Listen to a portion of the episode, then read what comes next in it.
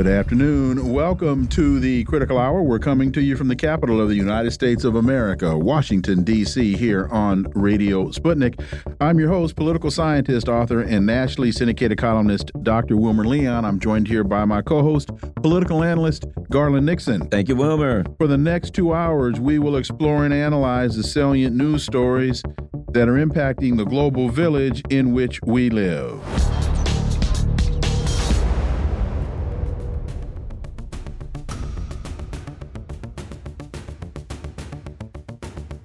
The Hill and a number of other sources report Thanksgiving dinner got cheaper this year, but costs still way up. Thanksgiving dinner is less expensive this year than last, but costs are still up from just a few years ago, per the American Farm Bureau Federation. For insight into this and other issues, let's turn to our first guest. He's an associate professor of economics at the University of Missouri, Kansas City, and former president of the National Economics Association, Dr. Linwood Tauheed. As always, sir, welcome back. Thank you, sir. So the article continues the group found that this year's classic Thanksgiving feast for 10, for 10 people will cost approximately $6.12 per guest or $61 total. That's a decline from the historically high prices from last year, it noted. And in 2022, the price was $64.05. And in uh, in um, this year's decline is they say is largely due to turkeys being less expensive uh, Dr. Tauheed, I don't, I'm trying to find some rational context in which to tell this story because these numbers are fine, but they're hard to digest, pun intended. Uh, with the with the rate of homelessness in this country, with the number of of of um, organizations, uh, uh, uh, churches, and and other civic organizations that are giving food away, and the lines that I'm seeing every day coming into work, different churches and whatnot, lines of people standing waiting to get bags of food.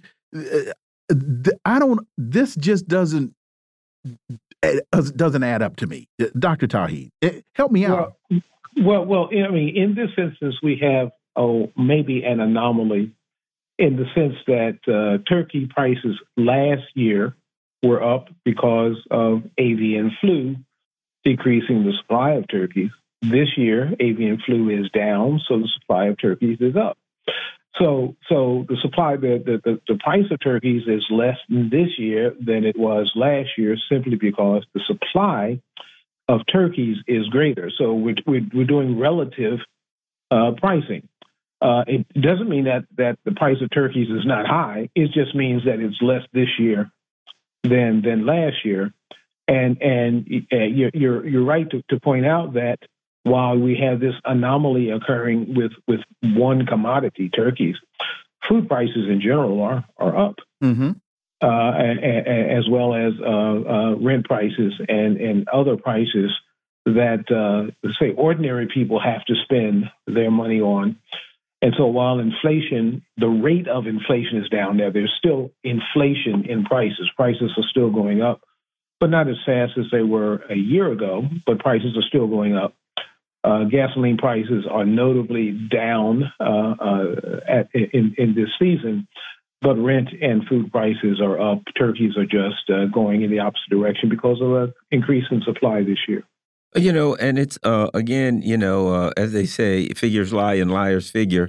It kind of, I mean, I, am taking it like this: at any given time, you can play with the numbers and make it say what you want. For instance, if we got hit by some horrible recession and the price of gas dropped, you know, down to a dollar a gallon because everybody was on the street, nobody could even afford a car anymore. You could make the argument that it's cheaper to travel this year than it was last year. But all of the other economic factors involved, that doesn't mean that your life overall life state, uh, status has improved any any economically. Uh, uh Dr. Uh, um, uh, is that kind of the the gist of what's going on here? Yeah, we we've just come out of, out of a, a, a horrible uh, period of, of recession in a pandemic. Uh, that there was a huge increase in unemployment uh, decrease in, in gross domestic product. And there was a recovery from that. Now, we have not gotten back to the level of employment, pre pandemic levels of employment. But but but in the interim, in the couple of years, we you know we've had a, a, an increase in in jobs created because we had such a decrease in jobs lost. And so the Biden administration is, in fact, touting that as a statistic, you know, the fastest growth in, in jobs ever. Well, that's because you know you, you're, you're having a recovery from from a, a, a horrible recession. So any coming out of any recession or depression, uh, you can say that hey, we're we're doing much better than we were a couple of years ago. Uh, but but that doesn't mean that we're doing as well as we were when we were doing better uh, uh more years ago. And to your point about jobs created, I think you really mean, and who am I to correct the, the brilliant economist, jobs recovered mm -hmm. as opposed to yeah. jobs created. Yeah. And yeah, yeah we, go ahead. No, no, no. You're, you're, you're correct. That would be a better a better uh, way of, of saying it, uh, and and we would be indicating that we haven't recovered all the jobs we had before. And I've been hearing over the last probably two weeks, maybe just a week, on some of these uh, talk shows, they, they keep saying that, oh, economists were predicting a recession that would hit about now, and the recession hasn't hit. The economists were wrong. Bidenomics is working, blah, blah, blah, blah, blah, blah, blah. To that, what say you? Because I know at one point we were talking about, well, the reason that they're saying we're not in a recession is because they changed the definition of recession. so, uh, Dr. Tauheed. Well, to the second point, you're, correct. Uh, recession is technically two uh, two quarters of, of decreasing uh, gross domestic product. We, we've we've had that, uh, but but uh, but the the recession wasn't called. So we've actually had our recession, a recession, small recession. But but but the, the things are, are are looking that we will have a recession coming. And the reason that that we, we haven't had it yet is because people are spending. Now, what are they spending? they're spending on their credit cards. Mm-hmm. Uh, credit card debt is has reached a, a high of, of over one trillion dollars in the um, in the, um, fourth quarter of in, in this quarter quarter of 2023, and so no excuse me third quarter 2023, and so people are spending, but they're they're, using their credit cards to do that. That uh, means that when those credit limits are are are, are broached, and then not only will we uh, have a decrease in spending, but it will be a sudden decrease in spending, um, and and we will we will have a sharp recession coming. Well, uh, let me ask you this. You know, Black Friday's coming up tomorrow is kind of the official day where people start spending for the holidays, spending for, you know, Christmas, etc. What are you expecting as far as spending and how, what how do those economic indicators tell us what's coming um, for uh, 2024? Well, there've been there've been there've been uh, consumer surveys that are uh, seemingly contradictory. Uh, consumers in the survey are asked to how much will you spend this year relative to last year, and consumers are saying they're going to spend more this year, uh, but they are downbeat. That they are they're upbeat on their spending, but they're down. Uh, they have downbeat on, in, in, terms of the economy. Uh, they they see bad things happening. And as I've just said, they are spending, increasing their spending uh, not because they have greater income, uh, but uh, relative to inflation, but because they're using their credit cards to do so. Uh, I suppose this is, uh, you know, could be in, in, terms of consumer sentiment. It could be seen as people saying, "Hey, things are bad. I need, I need some cheering up," and they're using their credit cards to do that. But, but of course, that that happens. That happens every holiday season where where Americans go into debt and and spend the next six months uh, uh, paying on those credit cards. It just just happens that in this season, the the uh, there's a already a huge credit card debt, and this is just going to add to it. So we'll, we'll have an increase in spending, uh, but people are still pessimistic about the economy because uh, their incomes are not rising um, uh, as fast as inflation.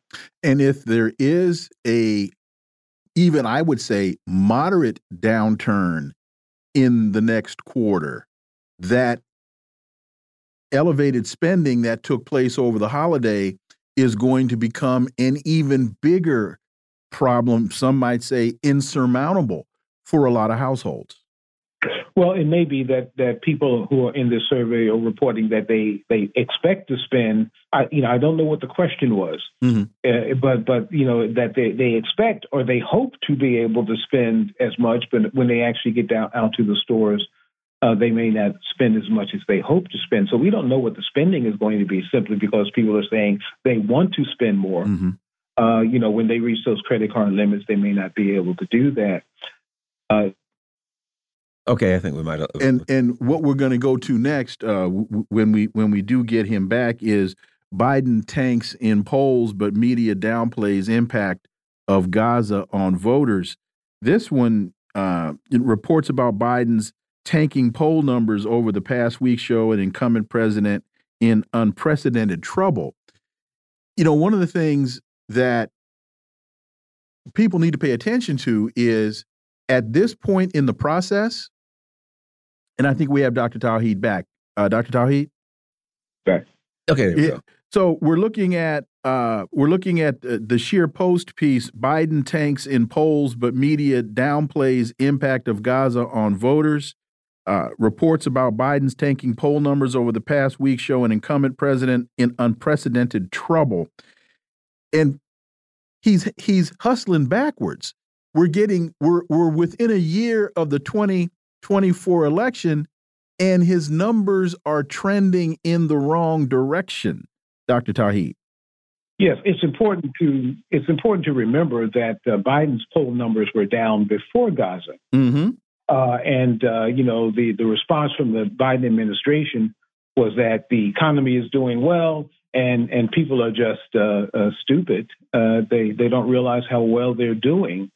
Uh, but but of course they're not doing as as well as the even for example the unemployment rate we've talked about this for a while the unemployment rate is deceptive because we have lots of an increasing number of part-time workers without benefits and so they may be employed but they're they're not living very well uh, because they don't have the income or the benefits now that was happening before Gaza now that Gaza is happening the the, the, the mainstream media has uh, an additional job of trying to convince uh, uh, the public that they, they should not be uh, upset with Joe Biden for, for siding with the, the genocide that's occurring in Gaza perpetrated by Israel.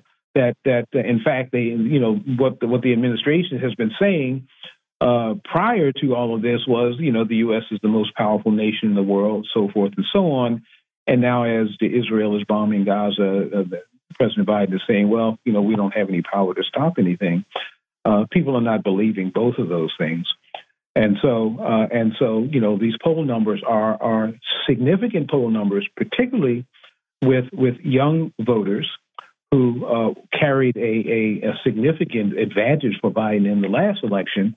He's now running neck and neck with, with Trump with young voters, and and Muslim voters are saying they are not going to vote for Biden ever again, in spite of the fact that that might mean that Donald Trump, who is obviously anti-Muslim, might be elected. That's that's a serious, uh, I guess, lack of commitment by by uh, by Muslim voters, if you will, to the Biden administration, and it is because of Gaza.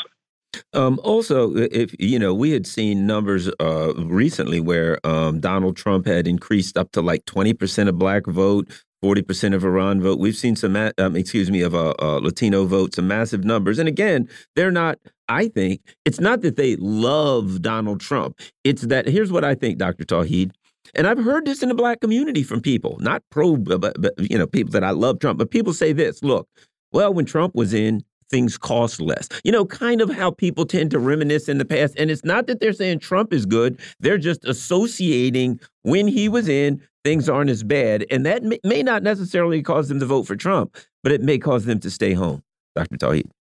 Well, when we look at the that the economic uh, situation when, when Trump was president, you, you might want to say uh, that uh, because of, Trump's personality and so forth, that obviously the economy was doing worse. But but prior to the pandemic, it, it wasn't doing worse. Uh, it was the pandemic that that threw things into into um, um, uh, turmoil for Trump. And, and Trump, the Trump administration did the correct thing in boosting uh, federal government spending, and which is the reason that we had the, the quick recovery uh, in the in the pandemic. that we, for example, didn't have during the uh, Obama administration. It took 10 years after the 2008 crisis for the economy to get back to where it was because the Obama administration did not spend enough money. Trump spent enough money to have a fast recovery. And, and people are remembering that. It's, it's not that you, you, you don't remember that Trump was in office when the pandemic happened, but also when the recovery happened, that, that uh, the Biden administration is attempting to take credit for, but now we have inflation, which wasn't occurring during the Trump administration. So, so yeah, it is the economy. Um, uh, there's someone who said that uh, the economy is stupid, and and and it, I, I, think that that that very much continues to be to be true. And the Hill has a piece following along the same theme. Senate Democrats shoot down Biden naysayers in party. Uh, they go on to say that Democrats are pushing back hard on criticism from within their own party that Biden's poll numbers are so weak that the party should replace him atop the ticket. Well, it's not only, uh, well, you've got people like David Ignatius in September that wrote this. You've got David Axelrod that wrote this. There are three or four different uh, people in the op ed uh, area of the Washington Post that have written this. You even have George Will the conservative George Will is is writing this. And so I'm wondering with the are these Senate Democrats whistling past the graveyard? Well, it is certainly significant that someone like David Axelrod, who was uh, uh, President Obama's chief political advisor, to come out and, and say that Joe Biden should should uh, should not run. Uh, he doesn't he doesn't say that without the uh, the uh, permission, if you will, of, of uh, former President Obama.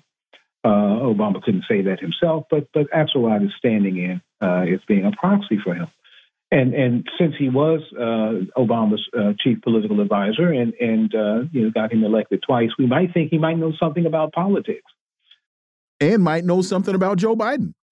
Might might know something about Joe Biden as as Obama's vice president. He might know something about politics, and so when he's saying that Biden should not run, I, I assume he's also concluded that there is time for another candidate to come uh, and lead the Democratic Party to victory. Uh, even though the Senate Republicans are are saying that uh, there's no time for anyone else, I, I, would I would take Axelrod Rod's view on this as as a significant. Uh, but if the Democrats are saying they have no alternative, what that means is that they, they have no bench which which shows a, again a, a, problem with the Democratic Party and uh, their their ability to actually um, uh, bring new candidates uh, or potential candidates to to the fore. Uh, if if the only candidate we have out there who could possibly run is an 81 year old uh, person with uh, obvious cognitive deficits, the Democrats are in trouble. Well, what we're going to see on the 30th of this month is um, Gavin Newsom is going to debate Ron DeSantis on Fox for 90 minutes at 9 p.m. again on the 30th of this month. And it's hard for me as a political scientist, it's hard for me to look at that and say, amidst all of these calls for Joe Biden to go away, it, it it's hard for me not to see the Democrats sending up a trial balloon to see how if if if Newsom fares well against DeSantis, I can only imagine whether they are planning this or not. I can only imagine the calls for Biden to step aside will grow even louder. They darn sure won't be muted. Yeah, I, I, I, think that this is a very much a trial balloon. I think uh, Democratic donors are are the ones who are are are doing this. You remember Newsom was, in fact, um, uh, had a, um, a primary campaign going before he stepped down. Uh, that would mean that he had some donors who were, were supporting him, and I suspected that he stepped down so that it wouldn't be he wouldn't be accused of driving Biden mm-hmm. out of the race. Uh, but but we're you know you're getting desperate with it with the, with the situation means that you have to put uh, Newsom out there so that the public knows him. And to debate Ron DeSantis is a very good way of doing that. Uh, so he's not the official uh, primary uh, opponent to Biden, but but there'll be a draft Newsom uh, campaign going on if he does well, and I suspect that he will do well.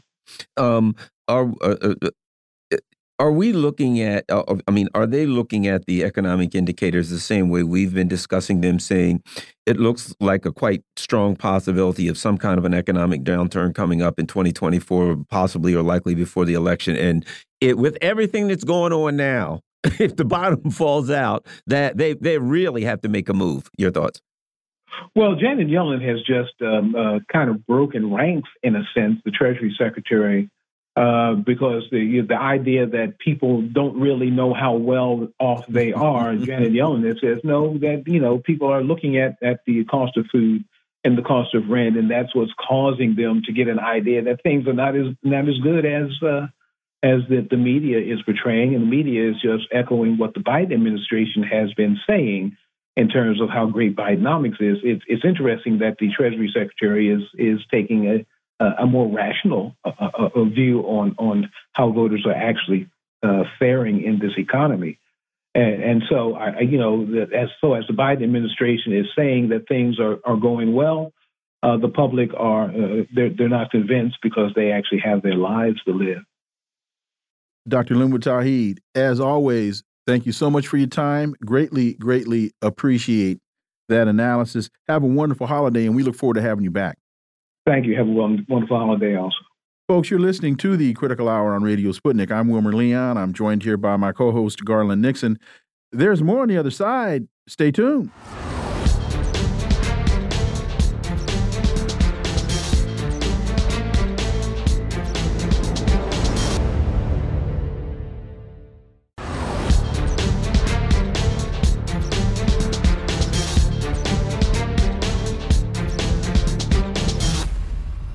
We are back, and you're listening to the Critical Hour on Radio Sputnik. I'm Wilmer Leon, joined here by my co host, Garland Nixon. Thank you, Wilmer. The Times of Israel reports release of 50 abducted women and children was to begin today at 10 a.m. Uh, I'm sorry, is to begin tomorrow. My mistake. Tomorrow at 10 a.m. Uh, Israel lists 300 Palestinian prisoners, mostly teens, eligible for release. Uh, the cabinet vows to continue the war against Hamas after the pause in fighting. And uh, the Israeli Defense Forces uh, ground uh, their, their toll hits 70 from what they've said. Uh, for insight, let's turn to our next guest. He's a award-winning broadcaster and journalist based in Beirut, Lebanon. Laith Marouf, as always. Laith, welcome back. Thank you for having me. And let me reiterate again: it's supposed to begin at 10 a.m. tomorrow.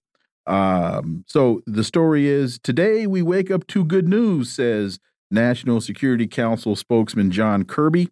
Um, Thanks to President Biden's personal leadership and involvement, a deal now has been struck between Israel and Hamas to release more than 50 hostages that Hamas has been holding, all women and children. In the next day or so, we'll start to see them being reunited with their families. Uh, Laith, if you could, what's the sense of this on the ground? And um, I don't think that people in Lebanon are walking around in the streets applauding Joe Biden's personal leadership and involvement. Laith Marouf. Definitely, they're not uh, applauding Biden. And uh, of course, right now, we finally are getting back to the original story where this began. We are now hearing about the hundreds of Palestinian uh, children and women that are languishing in Israeli dungeons as prisoners of war, and we're getting an exchange of 50 uh, Israeli prisoners of war, 450 Palestinian prisoners of war, all women, all children, and there's hundreds more uh, Palestinian women and children in Israeli dungeons. And so, uh, this is why this uh, war began. It began for because uh, Hamas and uh, other Palestinian resistance groups wanted to have the Palestinian prisoners languishing in Israeli jails to be released. And the only way we can see releases of uh, these uh, children and women, Palestinian uh, children and women, that um, most of them, by the way, are uh, jailed with no charges imprisoned with no charges. Uh, even these 150 that are getting released, uh, at least uh, 60% of them are what you call administrative detainees that have been in jails uh, with no uh, court uh, appearances. In fact, thank you for saying that because that's the question I wanted people to consider. So we know what happened on October 7th. We know that Hamas went in in uh, in response to the 75 years of genocide and oppression that the Palestinians have been subjected to. Now, you can agree with that, you can disagree with that. That's fine. But we know that they went in, we know that they took hostages as a result of that action. We are now applauding Israel getting ready to release Palestinian women and children. I don't hear anybody asking why were women and children in prisons, in jails, in Palestine in the first place? Laith Marouf. And that's exactly where the story starts. Uh, we have uh, close to 10,000 Palestinian prisoners uh, being held in Israeli jails under the command of uh, Ben Gvir, who is right now torturing all of them. Uh, he's turned all the Israeli jails into Abu Ghraibs and Guantanamos. And these women and children that are being released, 150 Palestinian women and children, are the lucky ones. Uh, they're going to leave behind them uh, hundreds more that uh, are still suffering in those jails. And believe me, uh, the Palestinian resistance will not uh, release the rest of the Israeli POWs if the uh, remainder of Palestinian prisoners are not also freed. Then uh, the Palestinian people clearly uh, view their prisoners as even more holier than martyrs because these are living martyrs. These are people that are living daily torture by the occupier, and they are basically uh, signs for our population to rally around so we can free them from this continuous uh, torture. And as we see, the Zionists um, are are willing to kill 15,000 Palestinian civilians uh, just so they wouldn't release uh, 10,000 Palestinian uh, uh, prisoners of war. I understand also. I don't know if you're uh, familiar with this story that um, there were some, I believe, a uh, an online journalist and a cameraman from Al from Al Mayadeen that was that was killed by Israel. Oh yes, uh, yesterday uh, the uh, one of the uh, Lebanese uh, reporters for Al Mayadeen News Network. Uh, she was in the south of Lebanon on the Lebanese side, filming, giving reports with her cameraman and a local assistant from the village when and the location is uh, given to both the UN and all and the military, uh, which the UN also passes that information to the Israelis where the um, uh, journalists are standing when filming, um, and they got directly hit uh, just as soon as they uh, finished their on-air live report. Um, Lebanon has been in mourning since yesterday. Uh, there was, uh, you know, a public funeral today. Uh, you know, many of the uh, political class, the media class, uh, were all out to the funeral and the burial of the two martyrs. Um, and what I can say to you is that the timing of it right now at the just before this quote unquote short term uh, ceasefire uh, shows how uh, vicious the Israelis are usually before a cessation of hostilities is is made. Um, the Lebanese government just uh, lodged a complaint at the Security Council. Um, and is demanding uh, that uh, you know the Israelis are charged with war crimes for targeting these journalists. Um, and um, much of the media is mourning them here in Lebanon. It's, it's it crossed uh, much of the class uh, differences and uh, political differences because of this targeting. This is the third Lebanese journalist to be uh, killed. Uh, this the, there was already three others that were injured, uh, targeted deliberately, deliberately also. counting the 50 somewhat uh, Palestinian journalists that were killed in Gaza and the West Bank over the last month. This has become the most dangerous um, um, war for journalists uh, since the end of World War II. Now it's surpassed any other. Uh, you know, war in terms of how many journalists have been killed in such a short time. And this comes also to show you how many uh, red lines that the Zionists have crossed since the beginning of this genocide in Gaza, which has seen the highest uh, number of children deaths uh, in any time frame of any war again since the end of World War II. This is where we're, we're seeing numbers of death on an industrial scale, uh, very similar to the Holocaust. In, in fact, uh, there was more Palestinian children killed in one month in Gaza than there was uh, children killed in Auschwitz in one month uh, in, in, in that recorded history. So we can see how the industrial death is now um, being displayed in front of us. In fact, to your point, according to the United Nations website, there have been one, I think it's 104 uh, UN workers that uh, that have been killed, along with at least 11,000 people in Gaza, according to health authorities.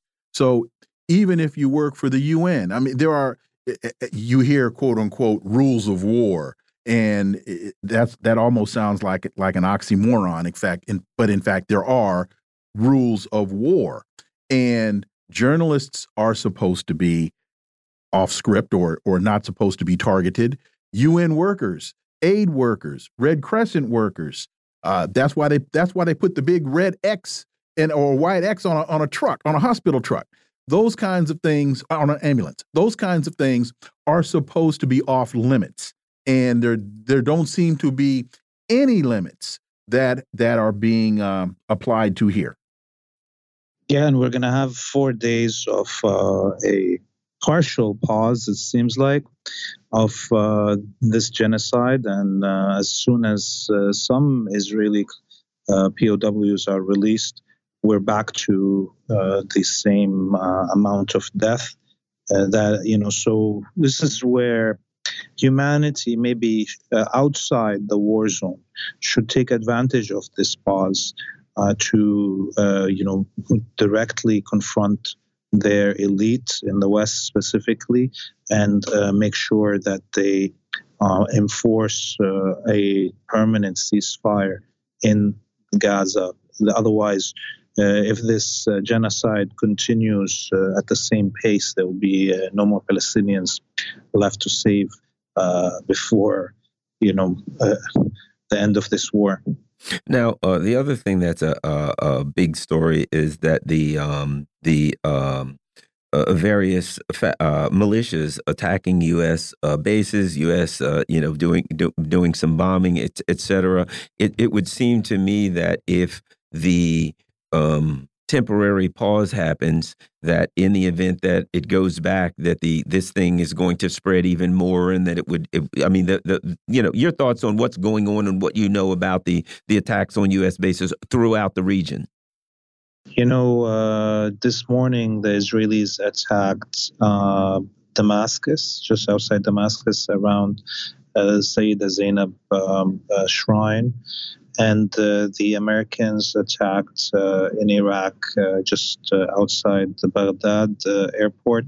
So we're, you know, we saw, uh, you know, a major number of attacks by the U.S. and its proxy, the Zionists, over the last 24 hours before this call for a temporary ceasefire happened.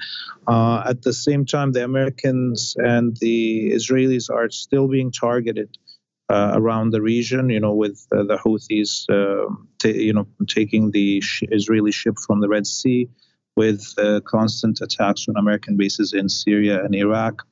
Um, we'll see if the, these zones of conflict also uh, see any cessation of hostility over the next four days. Um, that will be interesting to actually analyze. There's an interesting uh, piece in Consortium News. South Africa can use its nuclear stance to to pressure Israel. Uh, your thoughts? I mean, it's it is an interesting piece. Uh, it will, of course, depend totally on the goodwill of uh, the Western powers who control uh, much of the uh, international uh, bodies, uh, like the International Atomic Energy Agency. But let's remember something. You know, the South Africa used to be a nuclear weapon holding country uh, before the fall of the apartheid. And the uh, nuclear uh, weapons of the Zionist colony uh, were developed by the French and then, uh, you know, maintained through the help of South Africa during its apartheid time. So um, we have a, uh, a an example for what we can do for the future when this Zionist colony is uh, dismantled and we have an end to apartheid and a state uh, that represent all its citizens uh, in Palestine, no matter what their religion or racial uh, quote unquote background. Of course, race is a is a is a colonial construct, but that's another thing to talk about later. Point is, Israel needs to have its um, nuclear weapons stripped from it and partially we can, uh, you know, through through through using the international agreements that are there that uh, South Africa has uh, been a leader in in setting. That's that's one way.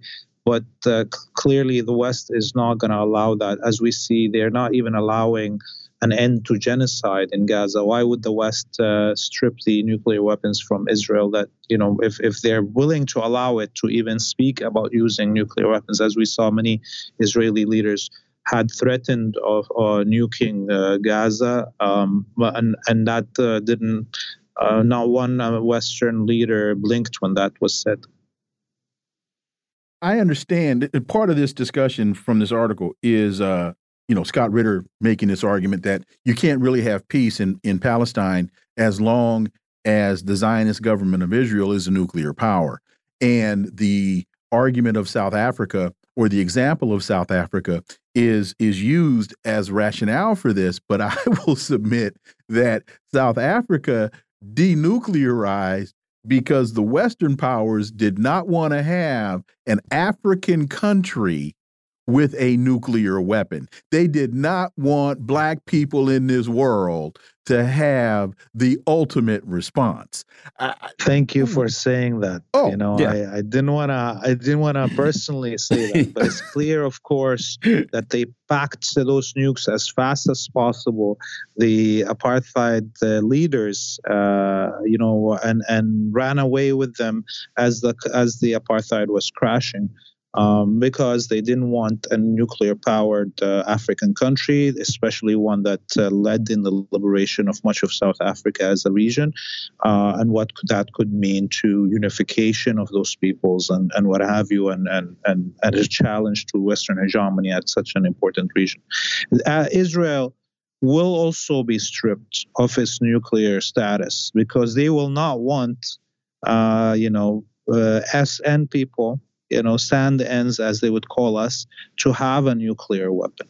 And that's that's basically uh, the same thing. And we hope we don't need a nuclear weapon. This is the land of uh, of peace. Uh, unfortunately, that has seen 100 years of bloodshed because of Western colonialism. And final, uh, final point, just to, to wrap up the piece about South Africa. Uh, President Mandela did not get control of the diamond mines. He did not get control of the gold mines. He did not control the military in South Africa, and he lost uh, the the nuclear uh, the nuclear uh, the nuclear power. So just to just to pull that uh, put that out there in terms of uh, the full uh, the full story. Yeah, Laith Marouf. Oh, you got a quick another quick point. Oh yeah, yeah, of course. Economic apartheid was never dismantled. The white uh, Western colonialist class maintained control of much of South Africa, and that's why we see still see problems. So today, uh, hopefully, liberation will come to all of us uh, in a better version in Palestine. Laith Marouf, as always, thank you so much for your time. Greatly, greatly appreciate it. Look forward to having you back. Have a great evening. Folks, you're listening to the Critical Hour on Radio Sputnik. I'm Wilmer Leon. I'm joined here by my co host, Garland Nixon. There's more on the other side. Stay tuned.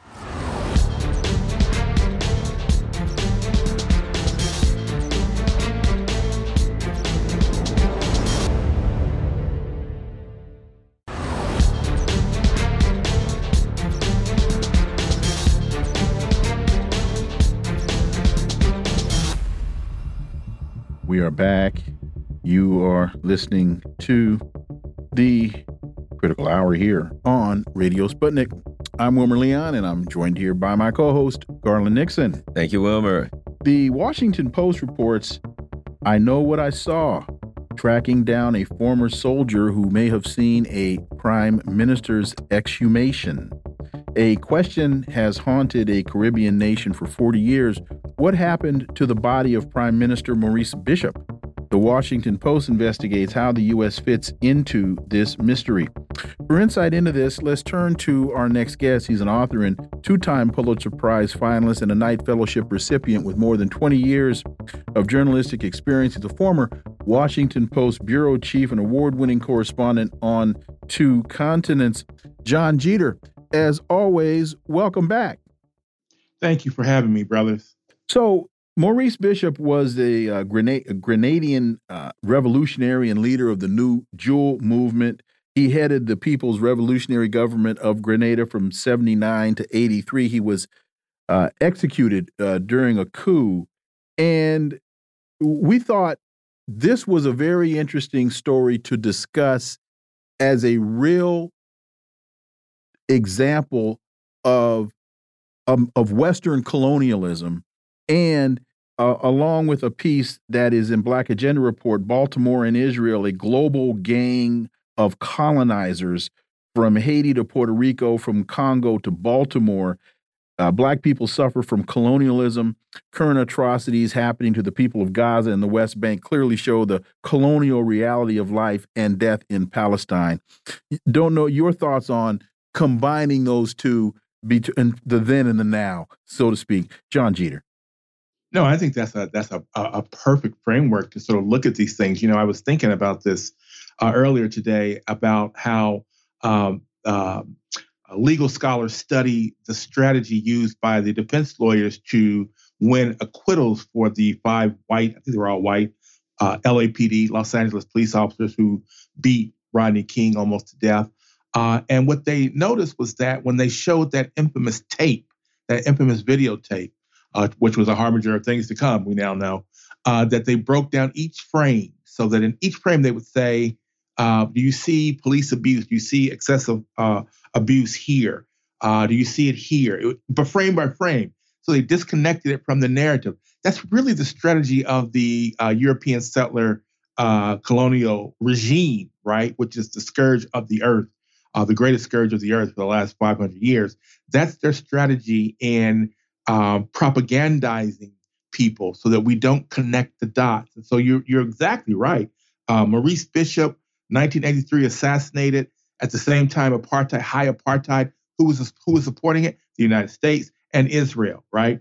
Um, and, and and so it's it's really if people can can connect the dots between Maurice Bishop, between apartheid South Africa, between what's going on now in the occupied territories, and even between Nazi Germany. Another, uh, uh, not coincidence, but another uh, factor to think about is uh, Israel became a state in 1948, so did apartheid South Africa. What was a key principle of both states? It was uh, identifying Jews who had theretofore not been identified as white. Remember, Hitler uh, planned his Holocaust because he he thought that the Jewish people were non-white specifically, but in both cases, 1948, uh, apartheid South Africa and Israel, they identified the Jewish people as white. That's not an accident. So I think your framework, your framing of this issue is exactly right. It's spot on, as my British friends would say. You mentioned settler colonialism. And if you could just expound upon that just a bit, because that is an element of this that I that, that I think in a lot of I can't even call what I'm hearing in mainstream Western media analysis of this. It, the, their chatter about this. There are different types of colonialism, and settler colonialism uh, is probably the most horrific because you are displacing the indigenous population with the settler population and genocide, more times than not, is usually the result. How, do you displace people? Well, violence is almost always a part of your strategy for displacement and then to dispossess them. And so you know, we, we, we can talk about, and this is appropriate since we're celebrating Thanksgiving tomorrow, if we talk about the genocide in the United States when Christopher Columbus discovered America with all these indigenous people waving to him from the shore, uh, you know, they carried out, the Europeans carried out the fastest genocide in the history of the world. They killed nine out of every 10 uh, uh, indigenous people they came into contact with in about a century. We've never seen anything like that. And now you look at what's happening in, in, in Gaza, right? This is a genocide. How do you displace people and steal all their stuff? Well, killing them is an obvious answer. And so settler colonialism, I said it again, I said it before, I'll say it again.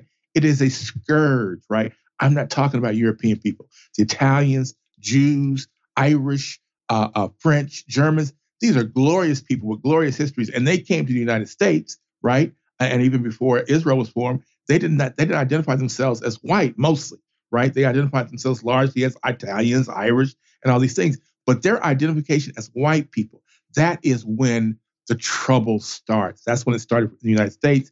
It's when it started in in in uh, uh, uh, Israel. Uh, this and, and, and, thankfully, I'll end with this. Thankfully, uh, this is not something that applies to uh, uh, Jews, certainly not all Jews, right? We conflate Zionism with Judaism. Zionism is just co opting the Jewish struggle uh, for its own selfish material gains for this genocide, to justify this genocide. They have nothing to do with each other because a lot of Jews still don't see themselves as quote unquote white. They see themselves as, uh, um, um, you know, as I think the ethos as it's been described to me is they see themselves as people who are sent to heal the world. And so that's why we see they play such an active role in this this pushback against what's happening in the occupied territories. Speaking of that, an ex Obama official, Stuart Seldowitz, he was once the acting director of the National Security Council's South Asia Directorate under the Obama administration. He served as senior political officer in the State Department's Office of Israel Affairs, and he was caught on tape. And here's the interesting thing he was caught on video, and he knew that they were videotaping him using vile Islamophobic um, harassments and genocidal harassments against uh, people of um, Islamic, uh, uh, uh, uh you know, people of, of Middle Eastern um, uh, um history.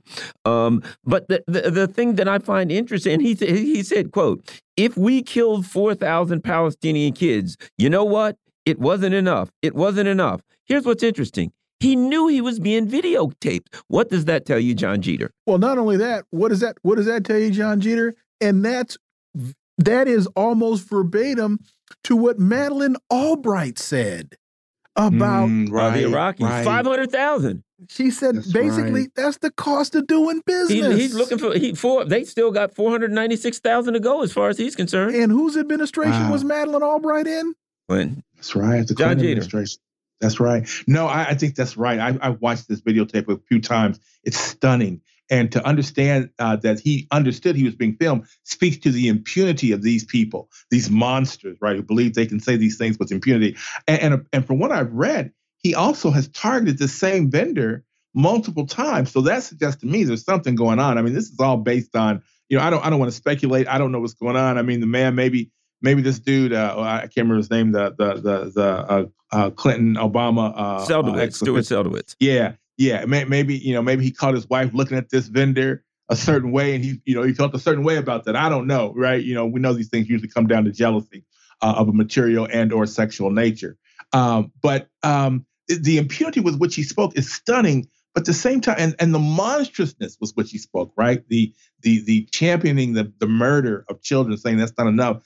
That was monstrous as well. But the other thing that's really stunning to me is this is in New York City, mm-hmm. and I mean, I, I, you know, I, I I knew, I guess maybe I shouldn't overstate. I knew several vendors, street vendors of Middle Eastern descent in New York City, and this is a very dangerous thing for him to do, right? Because he could get he could get hurt in a lot of different ways if he, if he talks that nonsense to the wrong vendor, and the wrong vendor is everywhere in New York City. So that's what's really stunning to me is that the impunity, but also just the lack of self awareness. Bro, do you understand where you are? This is not Des Moines, Iowa. This is New York City.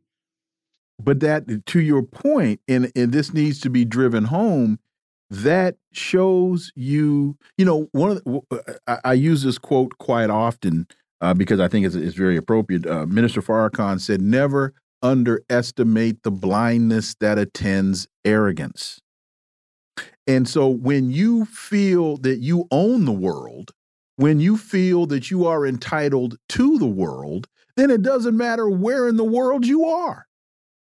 I, I, think that's exactly right. They are, you know, they've been anesthetized by their privilege, and so I mean, I think it's a combination of things. And I don't know this guy well enough to say which which was his uh, what motivated him the most. I think there's that blindness, which is accumulation of, uh, you know, decades, centuries of privilege. Right? You don't, you're not aware of your surroundings. You're not aware that other people see you differently than you see yourself. and the other thing I think is there's a fear now, an abiding fear by the elites, especially. Um, that they are losing the empire. Mm-hmm. And um, the South African writer, I can't remember his name, but he wrote in one of his books, um, uh, J, uh. Um, he wrote about uh, in one of his books, uh, "Waiting for the Barbarians," I think was the, was the title. He wrote about how at the end of at the end of the empire is motivated by just one thought, one ambition to save itself, to hold on, right? And I do think that's what we're seeing. Maybe not with this guy. I don't know his motivation. Again, it might just be his impunity, his, impunity, his self, uh, un, un, um, his, his lack of self awareness might be it. But on the other hand, I do think that some of these articulations of power, which is what we saw in this in this video, these articulations of power, these articulations to humiliate, intimidate people, to assert their power over people, is a reflection of their fear, right? That they are uh, um, you know, trying to convince you that they are that you are a defeated people and will remain so forever.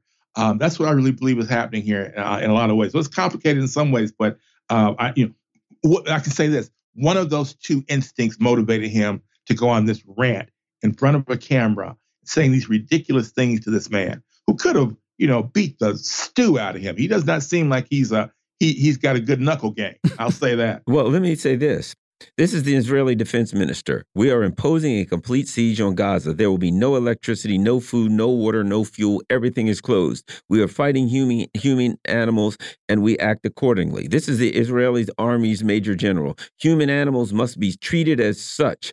There will be no electricity and no water. There will only be destruction. You want hell, you will get hell. This is the uh, that okay. This is the, uh, Isaac Her Herzog, Israeli president. It's an entire nation out there that is responsible. It's not true. This rhetoric about civilians not being aware, not involved, it's absolutely not true. Why did he say that? They all said it in front of a camera. They are the leaders of Israel, and they are not dragged before the Hague. Nothing's happening to them, and the U.S. continues to support them and arm them. They have said what we will do is genocide, and the U.S. empire has said, We're in. Here's the tools you need for genocide. It only makes sense that this guy would say it. Your thoughts?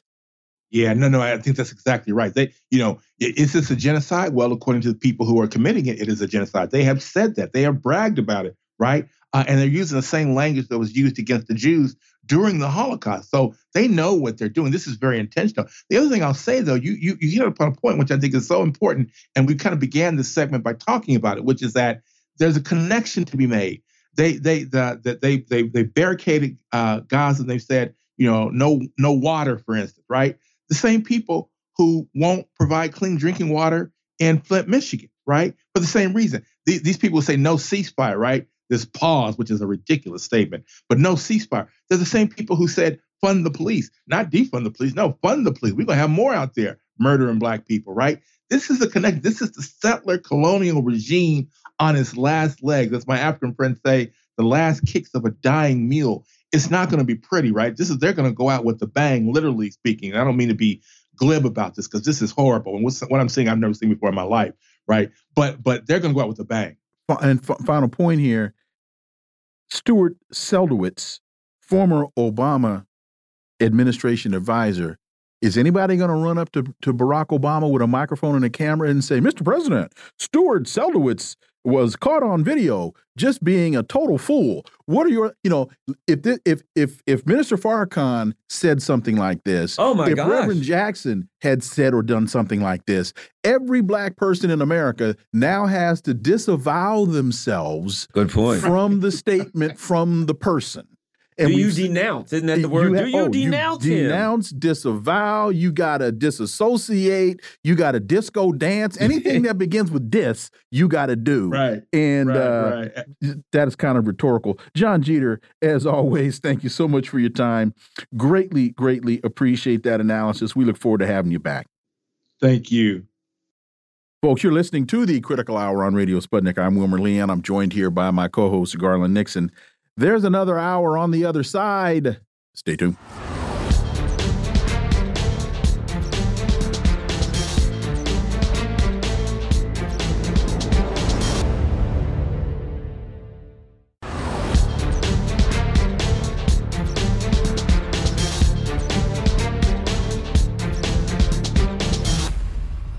We are back, and you're listening to the Critical Hour on Radio Sputnik. I'm Wilmer Leon, joined here by my co host, Garland Nixon. Thank you, Wilmer.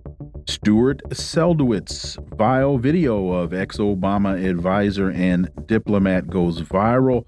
Stuart Seldowitz was an advisor in former President Obama's White House and a senior national security official who was accused of being the man in a viral video who made racist comments about Muslims and Egyptians to a halal cart vendor in New York City. What does this say to us about the dominant thought and narrative of the empire. For insight, let's turn to our next guests. Uh, it's Friday. Well, actually, it's not Friday, it's Wednesday, but we are treating it as though it is Friday because of the holiday. Uh, that means it's panel time, and we're joined by the host of AM Wake Up and Slow News Day. You can watch live on Rokfin and Rumble and listen anywhere podcasts are served. Steve Poikonen, As always, Steve, welcome back. Happy Fry Wednesday, gentlemen. Thank you very much. and uh, and we are also uh, joined by an independent journalist whose work can be found at Substack and thepolemicist.net, Dr. Jim Kavanagh. As always, sir, welcome back. Always a pleasure to be here. So, after people on X identified Seldowitz as the man in the viral video, which you which is available to to see, uh, uh, the, it, it, what do you, it, it's I'm almost speech, speechless. Steve Poikonen, eh, let me eh, you say something, Steve. I, I don't know what to say. This is this I, is so horrific. But eh, anyway, go ahead, Steve. I went I went on Twitter as soon as I saw this and I said, "Look, you guys, this is just a regular former State Department alumnus doing regular State Department stuff. This is the general overall attitude from the vast majority of the people in the foreign policy establishment. And that's a problem because they talk like terrorists. And, and that is the reality. We're, we've got terrorists in the State Department. And, and Jim, in, in the last uh, segment of the show, I tied uh, what uh, said to what Madeleine Albright had to say about bombing kids in Iraq, and that this was basically uh, this is a cost of doing business. Yeah. Well, he was a close uh, confidant of Albright's. He worked with Albright, so that's a very appropriate thing to bring up because he was one. He was on her team, and he helped her with a lot of things. So uh, he, he, she was one of the people was closest to. So yeah, I mean, I, I hesitate to think, you know, uh, uh as that this is that universal in the in the foreign policy establishment, but it's there, and you know, and this guy I, I, but I just don't get get someone. I see something like this, you know, it's uh, it, it, almost makes me laugh. It's like a bad Saturday Night Live routine, you know, Don Rickles going going bad. you know, the guy's performing. Obviously, he knows he's on the camera. He knows this is going. It's so crazy that someone would do this, and uh, it's just nuts. And uh, of course, I heard the last tail end of your, your previous discussion where you said if this was a black guy, every black person would be asked to condemn. Do you condemn? so, you know, uh, uh, and uh, this is just a crazy thing. And it, it, it's too bad. But it is the, the, the attitude of people. To, you can get a job in the State Department if you have this attitude toward Palestinian Arabs couldn't get it if you had the attitude toward Jews. You couldn't get it probably now now if you had the attitude toward blacks. Uh, you know, and, and, if you said things like this, but 400,000 dead uh, uh, Iraqis, what the hell? Uh, uh, 5,000 dead uh, Gazans, what the children, what the hell? You know, I mean, cost of doing business, and that's the the, the prevailing attitude of the Zionist narrative and of the Zionist ideology, which is embedded in the United States very deeply, is that Arabs, Palestinian Arabs, are just not as important as certainly as Zionist Jews or Israeli Jews, but and there's a lot of people. There there are other groups in the world certainly that would that, that would apply to. Well, here's the thing, Steve. Okay, so now Stuart Seldowitz said that he's, you know, rightfully condemned, denounced all of the above, right? He can't, you know, he. I don't expect him to be on CNN or MSNBC or anywhere else, else any soon. But Benjamin Netanyahu goes on, and let me tell you what he said. You must remember what Amalek has said, done to you, says our Holy Bible, and we remember. And in the Bible, what's it say about uh, uh, uh, uh Amalek? I will punish the Amalekites for what they did to Israel when they waylaid them as they came up from Egypt. Now go, attack the Amalekites and totally destroy all that belongs to them. Do not spare them. Put to death men and women, children and infants, cattle and sheep, camels and donkeys. That is what Benjamin Netanyahu said, and he's still CNN, MSNBC. So when I look at it, I say, why shouldn't that guy say that? That guy's looking at the leader of his leaders of Israel screaming at the top of their lungs, look, Yes, of course, we're going to commit genocide. The United States is going to give us everything we need to do it.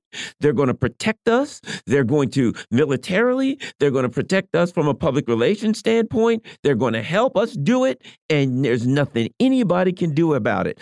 When he watches that, why wouldn't Stuart Seldowitz say that? In fact, what he's saying is nothing in pales in comparison to what the leaders of the Israeli state are saying. Your but, thoughts, Steve? But Garland, there's one thing that I think you're you're missing here, and that is Joe Biden has asked Netanyahu to engage in a kindler, gentler genocide. But that, he ain't doing a good job of it. Well, but that's and Tony Tony Blinken they're they're asking for a kindler, gentler genocide. Uh, as only Americans can exactly. do. Exactly. So, Steve, yes, eh, Steve, this guy is compared to what these guys are saying. Eh, he ain't doing nothing. What are we mad at him about? He's playing second fiddle to the lead, to the genocidal language that we're hearing from the leaders of Israel. You make such a good point there, Garland. It, it's something that people will not. It's emulation. That's all it is. It's emulation. If you're if the prevailing culture talks like this, if the people at the top of the power structure talk like this, then of course you, as a member of that apparatus, are going to be repeating the culture of your workplace. And that's that, that's all that we're watching. What is shocking to people who aren't familiar with it is that it's disgusting, and it, it's a you know the the words of a death cult. And when you hear them like that, that raw and that I'm full of just I belief, confidence, and hatred. And then you start to think about these people make the decisions that you ultimately determine whether or not people live, die, get water, get medicine, have electricity. It, it starts to give you a real picture of the way that the the not just the U.S. government, but most of the Western governments, and certainly Israel's, operate each and every day. Jim, you you uh, you said if you have this mindset, the the mindset of uh, Seldowitz, you said you can get a job in the State Department, and you're right. But here's the thing: Seldowitz was not a janitor. Seldowitz was not a security guard. Seldowitz is shaping policy. He is helping to set American foreign policy along with Madeleine Albright, along with Hillary Clinton, because Hillary Clinton has made similar comments as well. And you've got so so we compare that to the students that were protesting at the Palestinian or pro-Palestinian students that were protesting at Berkeley, the pro-Palestinian students that were protesting at Harvard and protesting at Columbia, and how there was a law professor at Boalt Hall, the University of Berkeley School of Law, who wrote a letter to uh, law firms saying, "Don't give these pro-Palestinian protesting students jobs. You don't want them in your law firms. You've got companies trying to remove the president of Harvard because she would not dock the students at Harvard that were pro. She would not release the names and the records of students that are protesting. And they're not protesting to overthrow anything, they're protesting against apartheid. They're protesting against genocide. All they want is freedom. Look, you're absolutely right, and that's what I meant by jobs. He can get a policy-making job. You know, on this, on the, uh, Israeli-Palestine issue. Uh, you know, if if you're a Zionist or if, if you just absorb the general Zionism in the air, Palestinian Arabs just not not as important, and you have to construct reasons why. We've heard this from Israeli officials throughout this, not just Netanyahu. I mean, Garland's absolutely right about the Amalek thing. As soon as I saw this, that's a call to genocide. But oh, they've all gotten on television. They're human animals, uh, and and people in the street watch uh, the, the videos of of the last time in Gaza, women standing on a hill watching the Gaza blow Gaza blow up, and say and being interviewed and saying, "We, I am kind of a fascist. I want them all. I want them all dead." So this is the attitude it's got to be the attitude behind Zionism because you're forcibly dispossessing and expelling and exterminating another people, and you have to think that they're less than you are. That's all there is to it. Uh, and you know, this not only is, is, that law professor, but this guy Bill Ackman is his hedge fund manager who's gone after, and he's gotten. Uh, a, a, consortium of CEOs to sign letters saying we will never hire anybody who goes on Palestine to pro-Palestinian de- demonstrations, and uh, you know, uh, Exactly. This is uh, you're not. These aren't necessarily people who are even going to be hired for policy making decisions. But anyway, it's it, you can do that in this country. You can pass laws criminalizing boycotting Israel. Mario Cuomo, not only the red states, Mario Cuomo boycotted North Carolina over their policy about gay marriage, I think. Uh, but he passed a law saying you can't boycott Israel. So Americans can boycott other states, but they can't boycott another country. Uh, so you know this is part and parcel of the the, the absorption of Zionist ideology, with and, and, the absorption with it of the kind of fundamental racism and supremacism that's embodied in it. And a lot of people do that without recognizing it so much. This guy makes us recognize it, and the Israeli officials who are on television every day and who are killing thousands of children, making us recognize it. You know, Steve, in the last year, I've watched, so now I'm watching people, you know, on television saying, yeah, we're going to kill all the men, women, children, everybody, genocide. It's just what we do, right? Before that, I'm watching. Genocide are us. Yeah, exactly. Before that, I'm watching Congress. They bring these guys in, they're goose stepping around, with Hitler tattoos, you know, a, a, a dog-eared copy of Mein Kampf, uh, you know, in, in their backpack, uh, with Azov patches that look like the uh, Nazi SS. So I spend the last couple years watching Nazis and genocidal maniacs, and here's what I was told. Boy, we better make sure Trump doesn't win in 2020 because he's going to usher in fascism into the United States. Steve. Well, we live in a cartoon. we we do. We're we're in the upside down. Uh, I'm not there. There's a lot of different ways that you can put it, but the people who have been put into the positions of perceived power in the institutions that we've been told to put our faith in and to put our patriotism in and to put our money in. They, they have been shown to have been corrupt criminal liars. We have in Joe Biden arguably the most white trash family as the first family. And this is in the exact same way. The Stuart, what's his name, is just echoing what he's seeing in the State Department and in uh, the Knesset.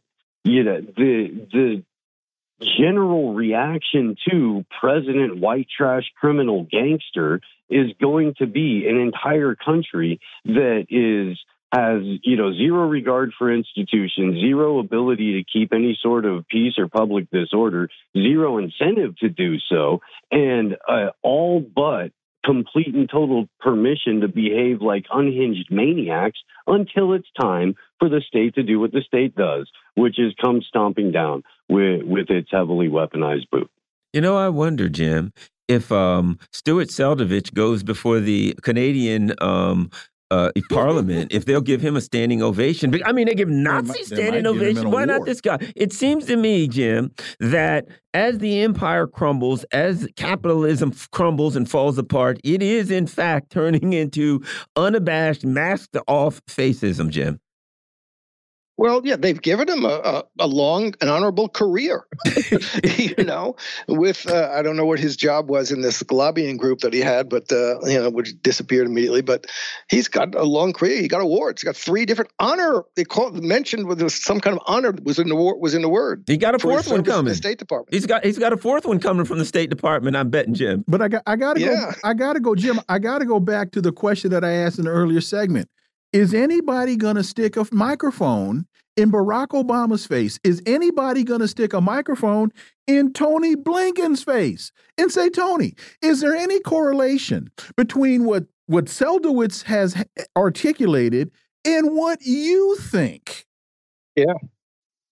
Do you condemn him? That which what you're saying. Uh, Do you disassociate, Every, disavow, denounce? They always say denounce. They, they always have to yeah. denounce. Go ahead. Go ahead, Jim. No, it's uh, you know, uh, I forgot where I was going with with with Colin's question, but that's look, this is where we are, and, and you know, I want to make want to make the point about Trump. Trump is going to be just as bad. Trump is out there saying we're going to deport all the Palestinians, you know, and anybody, any any foreign student that goes to a Palestinian demonstration. Oh, yeah. and, and, Mexicans and, are rapists and, and drug dealers, yeah, and yeah. they're gonna but, so, they're gonna steal your the but, vegetables out of but your But my point was, Jim, the rhetoric was we got to stop Trump because right. they're going to bring fascism back, and then they go right out uh, with a bunch of Nazis. They're hugging Nazis. They, we, they one day they're like, we're going to punch Nazis. Uh, no, we're going to give them weapons and hug them. Well, hence, wait a minute. Hence, Trump saying as a result of what happened in Charlottesville, ah, there are good people on both sides of this argument. And apparently, Biden thinks only the Nazi sides are the good ones. well, yeah, it's it is, and it's important to recognize that in both Israel and Ukraine, we have regimes and governments that are dominated by crazy by fascist really by a fascist ideology in a way that i think uh, even the managers of the american empire don't really get these are not manageable in the same way that they, they, they think they can manage them. These are excessive people. The Israelis uh, are, are excessive. They've gone out for this. They, they've crossed the line in their own minds, and they're going out full out to get rid of the Palestinians on here. And this, this is a non negotiable thing because it's not, oh, different interests we can negotiate. It is precisely because there are different kinds of people in their in their framework, and they're no negotiating between these different kinds of people and want to get rid of the ones we don't like. So that's a, an element that's in these both Ukraine and, and Israel that's very dangerous and is to much harder than the American managers of the system think they can manage. And Steve, two things as we get out on this. One, they we now they've announced that there's going to be this four day uh, uh, cessation in in in violence pause, and whatever this, it, pause, and they're going to exchange uh, pr prisoners, and the Israelis are going to release women and children that are in Israeli jails. Nobody's asking the question, why are these women and children in jail? What have these women and what have these Palestinian women and children done? What have they been charged with? Nobody, nobody's asking that question. And the final point about Seldowitz, if you talk to Miko Peled, Miko Peled will tell, tell you the very thing that Seldowitz articulated is exactly what is taught to children in Israeli schools.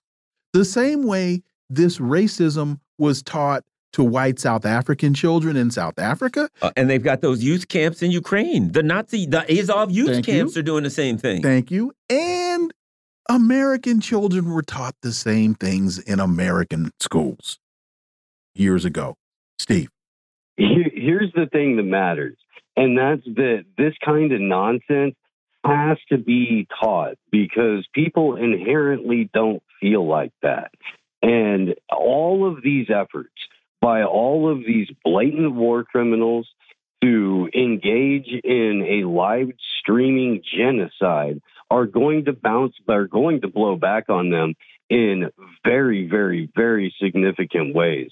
Because as all of this is happening the de dollarization of the U.S. is still taking place. Israel is alienating itself from absolutely everyone. And If they don't pivot immediately, they're going to find themselves in a world of financial hurt and isolation.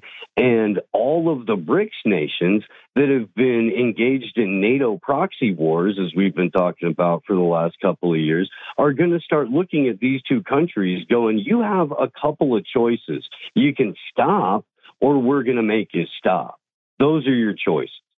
And uh, to um, uh, uh, uh, uh continue off of that, Biden tanks in the polls but media downplays the impact of Gaza on voters. There's the political part of it too, and that is, you know, yeah, his, but Biden was already tanking. But you know, I was watching something online the other day, and it was a, a rapper, and he was standing up saying, you know, hey, this is genocide. It has to stop at this rap concert, and all of the the the you know, you could when you saw the crowd, it was a it was to be honest, it was mostly white kids, right? At rap concert, at this rap concert, right? This huge, all you know, crowd of tens of thousands thousands of people, they were screaming and cheering.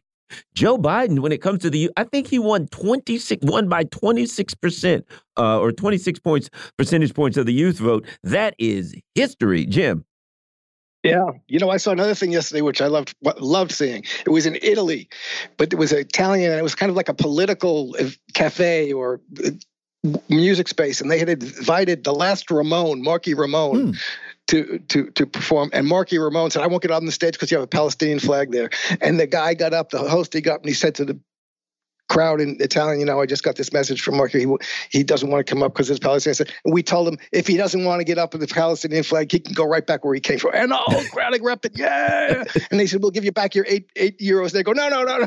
it, was, it was really it was really interesting to see that. And Cardi B came out against uh, uh, Biden the other day. So it's really great to see these things happening, you know. And uh, uh, we're in that situation now where people, again, they're seeing the explicit racism, the explicit genocide in real time, as a live stream gen- genocide.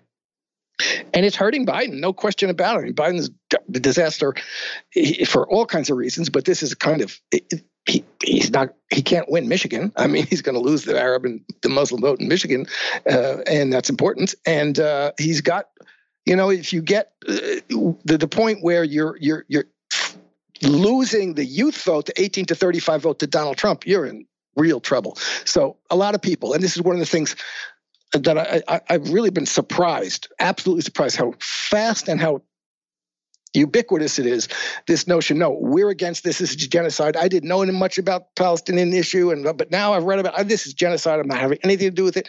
I won't vote for anybody who has anything to i will not do this again. I won't vote, won't vote for biden. I won't vote for vote for genocide. So that's a new thing and i hope it grows. And that's one of the things that makes for the possibility of real change in the in the in the situation. Steve. Yeah joe biden is toast He's toast. They can't run him in 2024. This is a, a, a it's got to be a foregone conclusion at this point. He lost Cardi B. when Joe Biden loses Cardi B, when the Democrats lose Cardi B, it, it's it's over. And, and so they've got to come up with a uh, a solution to substitute that isn't as glaringly obvious as it's going to be, and watching them fail at that is going to be really, really fun. Hey, Jim, you just said that Biden's going to lose Michigan. How do the Democrats save Michigan? Put Gretchen Whitmer on the yeah, ticket. yeah, I know, yeah. It's one of See, the possibilities. I, I, but I don't think it's just about Biden. Not going to work. I no. think I think people are well, furious. Yeah. I've had people say to literally to me, li literally, I will never vote for another Democrat as long as oh, I live. I, I realize that. I, I, realize that. But uh, but but Jim, here, so in in I've worked on a few campaigns, and the first question that I always ask when I sit in the room and I look at the candidate, the first question I ask them is where are your votes going to come from? And I can't imagine the elite in the Democratic Party sitting in the war room looking at the map asking where are our votes going to come from? They're asking where the hell have our votes gone? To your point, I mean, this is like the sun. The sun also rises when when they ask Mike, "How did you go bankrupt?" He says, "Well, slowly then suddenly." I mean, this is you said you can't imagine how quickly Joe Biden has gone in the toilet. Uh, well, it's just it's like going bankrupt, gradually then suddenly. Yeah. Jim. Well, yeah, well, I, that, but that's I was talking about the, the, the really the the attitude towards Zionist ideology, and that's what I'm saying. That's suddenly taken a turn. oh, oh, I, okay. Well, it, it, applies yeah, to Biden and, too because he's a Zionist. But Biden, but Biden, the Democrats have been, uh, and Biden has been deteriorating for forever. I mean, he didn't. Nobody really liked him even in 2020. Look, the Democrats are going to cheat you know and i'm not uh, uh they're going to do all they can to cheat in the election and they've set up an electoral system which allows cheating and it's going to be impossible to figure it out so that's one of the things they're going to do to try and win uh, everybody's going to cheat where they can and there are plenty of they've set up an electoral system when there are plenty of opportunities for cheating. So i, I don't know but uh, the fact is they have to get rid of biden. I mean it's not just because the, the youth in the united states are uh, turning against him. It's not just because of the Zionist ideology is changing. People are saying, "I won't vote for Democrat again." They don't really care about that. If, if, they if they can win, they don't care about narrowing the electorate as long as it's kind of above fifty percent of the population who votes. They can still say they're, uh, you know, they have some legitimacy. The best thing is if it's 20 it goes down to 25% then they can not say they have any legitimacy. But they want to exclude people from voting. They just want everybody wants to exclude the ones they don't like. So that's but uh, I, I don't know. They have to they have to get rid of biden because the leaders of the world know it. I mean you can't have joe biden wandering around the stage with z and introducing himself to people he met 10 minutes ago. It's it's impossible. So I don't know what they're going to do. We've all talked about this a hundred times. Whitmer, uh, Newsom, and I'm not ruling out RFK Jr.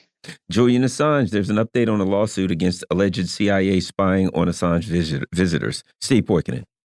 The United States government is claiming you have no constitutional protections when you're abroad. None whatsoever. In fact, the United States can violate the Constitution and it can violate international law as long as you're not on U.S. soil. If you were to say go into the Ecuadorian embassy, well, that's technically Ecuador, so the U.S. doesn't have to treat you like you're a U.S. citizen. This is absolutely insane, and I am very thankful that Judge Koeltl is one of the judges that is uh, a part of this because he has already ruled previously on Assange related matters in the favor of the First Amendment and free press.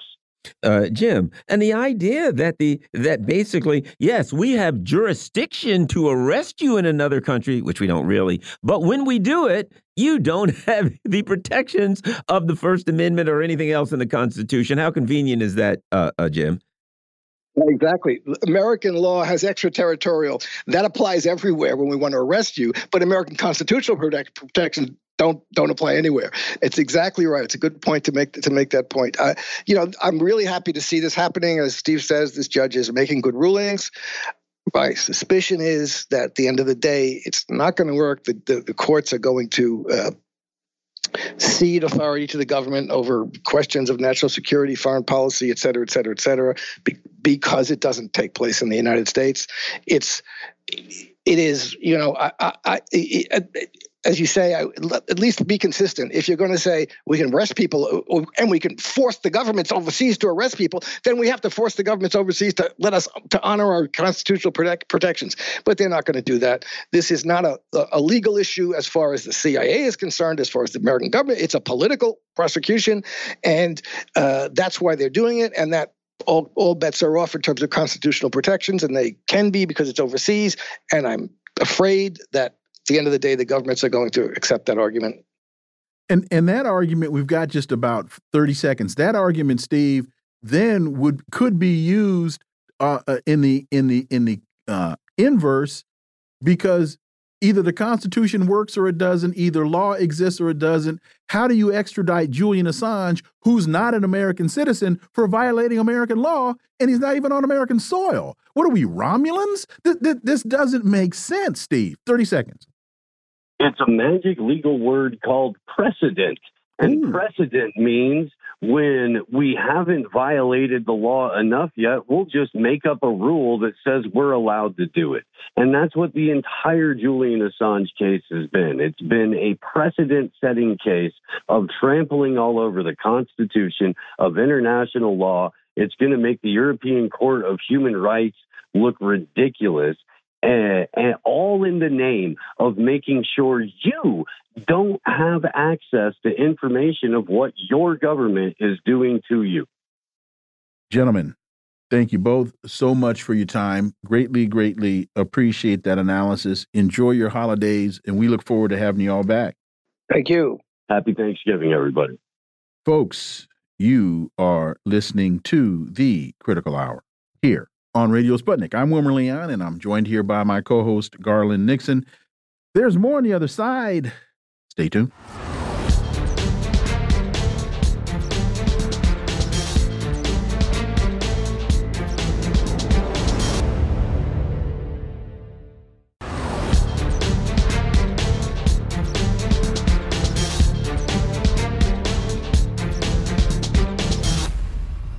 We are back and You're listening to the Critical Hour on Radio Sputnik. I'm Wilmer Leon. I'm joined here by my co host, Garland Nixon. Thank you, Wilmer. Stuart Seldowitz. Vile video of ex Obama advisor on Diplomat and Diplomat goes viral. We've been talking about this for a good part of the show. And for those of you just turning in, Stuart Seldowitz was an advisor to former President Obama's White House, a senior national security official who's accused of being the man in a viral video who made racist comments about Muslims and Egyptians to a halal cart vendor in New York City. For insight into this, let's turn to our next guests. We are joined by the uh, co editor of Popular Resistance, Dr. Margaret Flowers. As always, Margaret, welcome back. Thank you. It's great to be back with you both. And we're joined by the senior editor and senior columnist at Black Agenda Report and author of Prejudential Black America and the Presidents, Margaret Kimberley. Margaret, welcome back. Thank you so much. So, after people on X identified Seldowitz as the man in the viral video, his actions are vile, his actions are racist. Uh, Dr. Margaret Flowers, th this guy was in the Obama. It was an an an, an advisor to President Obama. He was an associate of Secretary of State Madeleine Albright, who told us that you know we lose, we, we kill four thousand kids. Eh, that's you know it, that's bad, but that's the price you pay when you when you play. Um, this is just demonstrating an imperialist mindset that we, we can't just dismiss this as the rants of just one idiot. We are seeing that this is a prevalent mindset in policy positions in this country, Dr. Margaret Flowers. Right, and you know he was in charge of the South Asian section of that, and and he didn't just threaten the the food you know vendor, street vendor.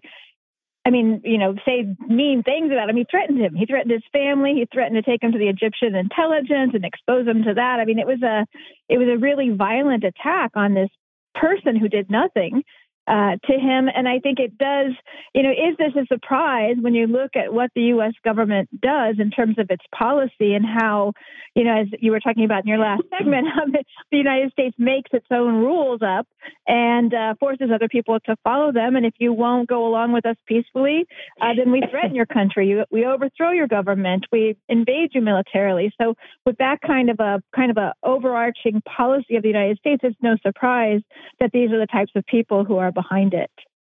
Uh, Margaret Kimberley, uh, same same point to you. And again, th this is Hillary Clinton has made similar statements uh, as as as did her predecessor um, Madeleine Albright about about how disconnected they are from the havoc that they wreak, the destruction that they cause, and the murders that they're involved in. Well, we this man expo- he did us a favor, frankly. He exposed the mindset of these people who are professional diplomats, supposedly the best and the brightest, good schools, presidential appointees, blah blah blah. And at bottom, they're just vile, racist people.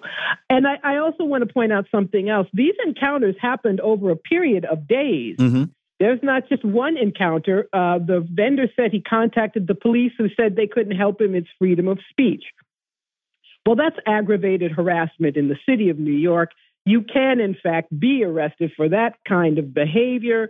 But if you're a uh, man of color, a, a, Muslim immigrant from another country, and uh, the other person is uh, Mr. High and Mighty former diplomat, we all know what's going to happen, or rather, that nothing happens.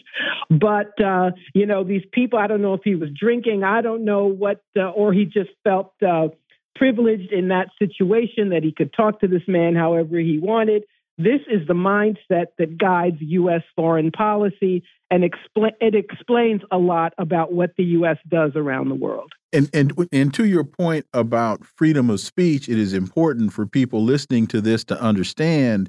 Yes, we do have the First Amendment in this country. Yes, speech is protected, but not all speech is protected speech. Fighting words words that could in, uh, in, incite someone to throw a punch, that is not protected speech. Hence the age old adage you cannot mistakenly cry fire in a crowded theater.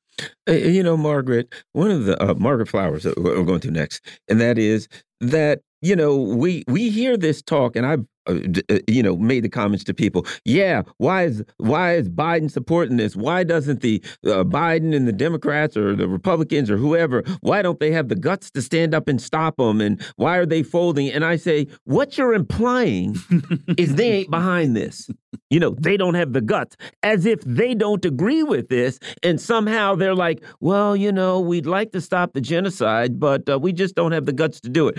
When you listen to this guy, it's not that the Israeli leadership is some anomaly, anomaly, and that Blinken and the crew are sitting back, you know, uh, uh, coiled up in the in the uh, uh, uh, you know in the corner, sucking their thumbs and can't figure out what to do. They are cheering. They're jumping up and down at the State Department right now, saying, "Yes, sirree, kill more of them, genocide Joe." That's our man. You know what I mean? They're doing a cheerleader. Give me a G, give me a E. So this guy represents the reality that our government, this is who they are. Your thoughts, Margaret Flowers? Yeah, you know, I think when when you mentioned uh, Wilmer uh, Hillary Clinton, I think about her famous, you know, we say things differently in private than we do in public. And mm-hmm. this guy let his private out into the public so that people could actually see it. But let's think about the entire U.S. military. And what is it based on? It's based on training the soldiers to be racist, to see their targets as subhuman, as we saw the Israelis you know, calling the Palestinians animals. You know, we see, see the um, what was the guy in the European Union who you know said, "Oh yeah, the flowers, Borrell, yeah. the, the, the garden yeah. in the um, jungle." And the savages, the jungle, right? I mean, this is this is how they are able to carry out what they do by dehumanizing, devaluing the lives of other people, and and this is you know what is this? The core of you know white supremacy, right? So this is what we saw on display by this guy. Uh, Mar uh, Margaret Kimberley, your thoughts on the perspective that this is empire. This guy's not an anomaly. They're just mad. They're probably calling it up, saying, "Would you shut up? For God's sake, you're letting the cat out of the bag here." Margaret Kimberley. Well, yes. Well, he already lost one of his gigs, and uh, mm -hmm. so mm-hmm. he'll be, uh, you know, they'll shake a finger at him for a little while, but they're more where he came from. Um, you know, in the uh, administrations that came after, the people who are in uh, uh, the State Department now, uh, they are all like him. And perhaps they are shrewd enough not to let their real feelings out. But that's the face of UN foreign policy uh, racism, uh, uh, crudeness, and a uh, threatening posture, threatening countries if they don't knuckle under. We'll invade you, we'll overthrow you, we'll sanction you if you don't do what we want. Um, the, and that is how they think about people in uh, the rest of the world. Uh, with these very racist stereotypes. And Wilmer, isn't it that you know what this kind of reminds me of when Trump said, "Yeah, Syria, we're there for the oil." Mm. They're just like, shut up. You ain't supposed to just you say you're not supposed to say. That's all it is with this guy. It's shut up, Stuart. They probably called him. You're not supposed to say that in public. It also takes me back, uh, Margaret Flowers, to uh, Congressman Stephen King from Iowa, who said we can't restore our civilization with somebody else's babies, and uh, you know all of these, all of these kinds of, and and and so we're seeing what I've been saying for a while that the Zionist government in Israel's response to Hamas, the the the atrocities they are committing in Gaza, they're basically bombing the world into reality. People are now being forced to see this for what it is. And I equate it to Dr. King and the children protesting and the dogs and the fire hoses he wanted America to see what America really is. Now the world is seeing what this really is. Your thoughts, Dr. Margaret Flowers.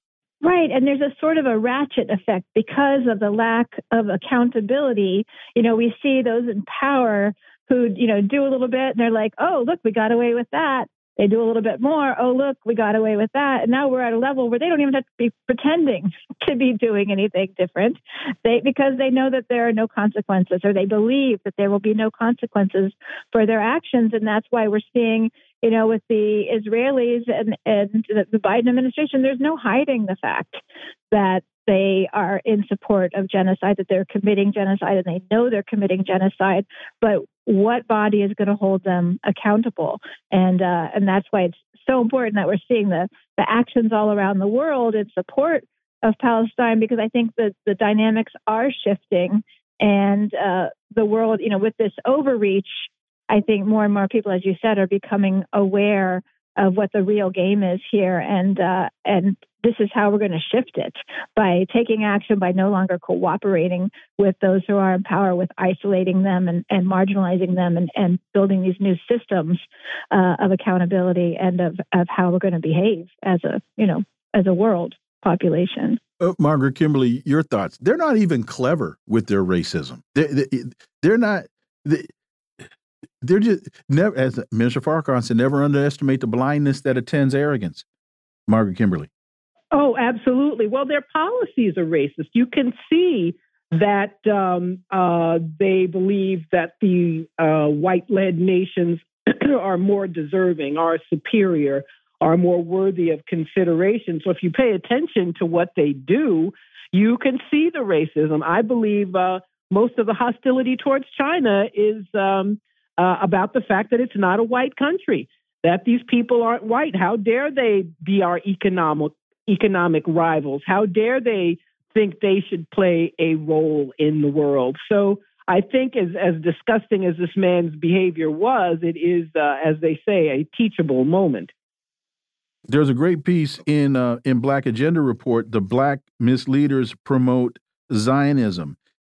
Mar Margaret Kimberley, talk to us about what uh, what what was the point of this piece in in, in Black Agenda Report? Yes, well, at Black Agenda Report, we've often made reference to the Black misleadership class, which is elected officials, but not just elected officials, uh, prominent Black people who play a role in upholding the system. And I was moved to write about it. Uh, two uh, incidents the, a Black woman who's the CEO of the Legal Aid Society actually went to court to prevent uh, staff from uh, releasing an open letter uh, on in support of Palestine. And she said in a meeting, "Well, you know, this to me is like as a black person, somebody saying Blue Lives Matter, uh, which is just disgusting that she put our name, black people's name." Uh, in this, and of course she's under pressure. They could lose funding. I I understand all of that, but it just seemed to me to be particularly cynical to do so uh, to prevent people from showing solidarity and do that under the guise of um, uh, being anti racist. And Al Sharpton, who was uh, one of the biggest scoundrels alive, he and the rest of the MSNBC crew are peddling this nonsense that neo Nazis are infiltrating uh, the protests in favor of the ceasefire, the protests showing solidarity with Palestine. And of course, it is nonsense. but uh, they're saying, well, neo Nazis are infiltrating and they went to this. I have not seen any neo Nazis anywhere in the hundreds of thousands of people. I'm sure they found two or three guys on the edges of a protest, but this is just to demonize and to discredit uh, anyone who dares to speak up. Uh, the pressure to toe the line on this issue is uh, is very intense, and this is where the uh, we see the misleaders in action. And you know, uh, final point, Margaret Kimberley. Before we go to Margaret Flowers, where did uh, Reverend get that playbook? Get that page? He got that page from the COINTELPRO playbook because that's exactly what the FBI was inferring and insinuating about the civil rights struggle that communists were invading the SCLC and communists were behind the civil rights movement. And that's why it was a threat to uh, the American established order. Oh, yes, absolutely. Um, and and this is why he is, you know, he made a name for himself being a pretend radical, but now he's turned it into quite a cushy position. He's got his own show on MSNBC. He uh, gives cover to the Democratic Party, uh, and uh, so these these turncoats, these traitors, are also part of that history that uh, people play a certain public role, but then sometimes you see what they actually uh, do. In this case, uh, smearing an entire movement, uh, making up out of whole cloth a connection that isn't even there. Dr. Uh, Margaret Flowers, uh, your uh, thoughts? And let me add this, uh, uh, Dr. Flowers, and that is if you look at it right now, what do they do? They put a female general in, in charge of Southcom over uh, the uh, South America. Mm -hmm. They put a black uh, General Langley in charge of AFRICOM. Right? They always this is today's rainbow imperialism. You black know, Secretary of Defense. Black Secretary well, of Defense. I wrote the piece about minstrel minstrel diplomacy. Exactly. This is minstrel diplomacy. Margaret Flowers.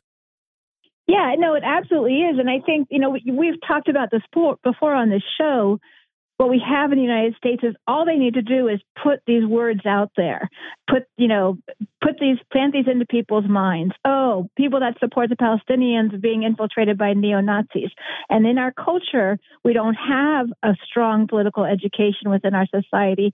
We don't have questioning within our society. People don't go. Well, that doesn't make sense. Maybe I should check into that a little bit more. No, they'll just hear those buzzwords, uh, you know, the way that we were so successful, or the, or the, you know, the media propaganda arm was so successful in demonizing the terms socialism and communism that it made people afraid uh, to use those words, uh, even when they support, you know, those those ideas. And and we're seeing that now through this whole new McCarthyism, and uh, and this putting fear into the population of those of us who are struggling to support oppressed societies, to, to struggle for liberation, uh, to do the necessary work that we knew, need to do uh, for all of us as we're living in this failing society in this world full of crisis. You know, uh, uh Margaret, Margaret Kimberley, I got to bring this up uh, if you could comment on it. They spent the last two years, black people and Jewish people in Congress telling us that Nazis weren't all that bad.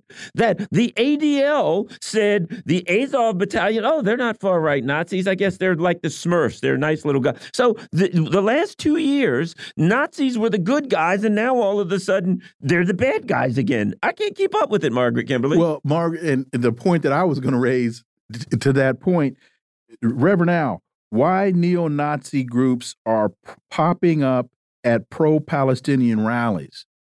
Reverend Al, why is the United States funding real Nazis in Ukraine? Why did we arm them? Why did we train them? Why did we use them to help us overthrow the democratically elected government in Ukraine in 2014? Maybe there's a difference between real Nazis and neo Nazis. Me don't know, uh, Margaret Kimberley. Well, it tells you that all of it is BS. Uh, if it suits the uh, imperialism to empower uh, Nazis or to empower jihadists, or to empower whomever they use um, as their foot soldiers, uh, to do dirty work around the world, they will do it. So jihadists are bad one day, but then the United States is uh, uh, promoting ISIS or Nazis. Oh, they're so evil until it comes to trying to to, to using them uh, to uh, weaken uh, Russia, as they very openly said. And as far as this this new claim that there are uh, neo Nazis infiltrating and manipulating uh, people protesting against war crimes it, in Gaza, it's just rank cynicism, and they hope that no one is paying attention to call them out. Margaret Flowers, I, I was taught uh, I, am 64 to give folks an idea of where I was in school, and uh, I was always taught Nazis were bad. I, I, I, I never, you know, I, I don't remember a hug a Nazi day. I don't remember anything along those lines. And now all of a sudden, you know, I, they're, they're in some instances, I guess they're supposed to be okay. Margaret Flowers.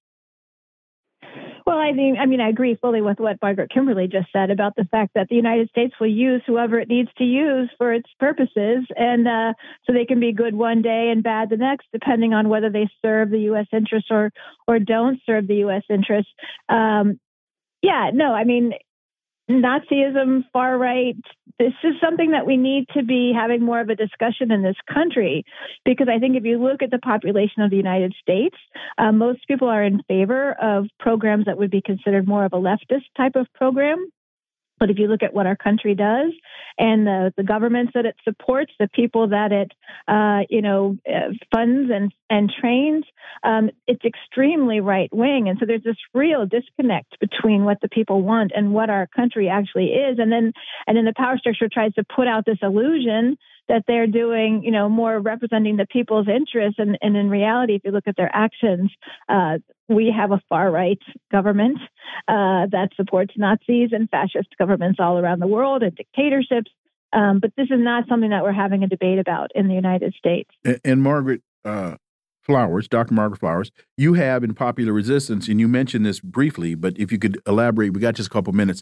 The rise of the new McCarthyism in the United States. What, what, explain what that means yeah, we have to be very concerned about the suppression of dissent. And that says, you know, as we see these crises that we're facing and, and the government is not taking action to address them and people are rising up. And so there's this whole new level of uh, varying, varying forms of of uh, McCarthyism, whether it's creating a hostile environment for reporters, raiding their offices, stealing their equipment. If, you know, Julian Assange is a prime example, uh, persecuting them if they dare to tell the truth and expose the crimes. But there's also economic pressure being put on to activists and and uh, and you know other groups and freezing their bank accounts.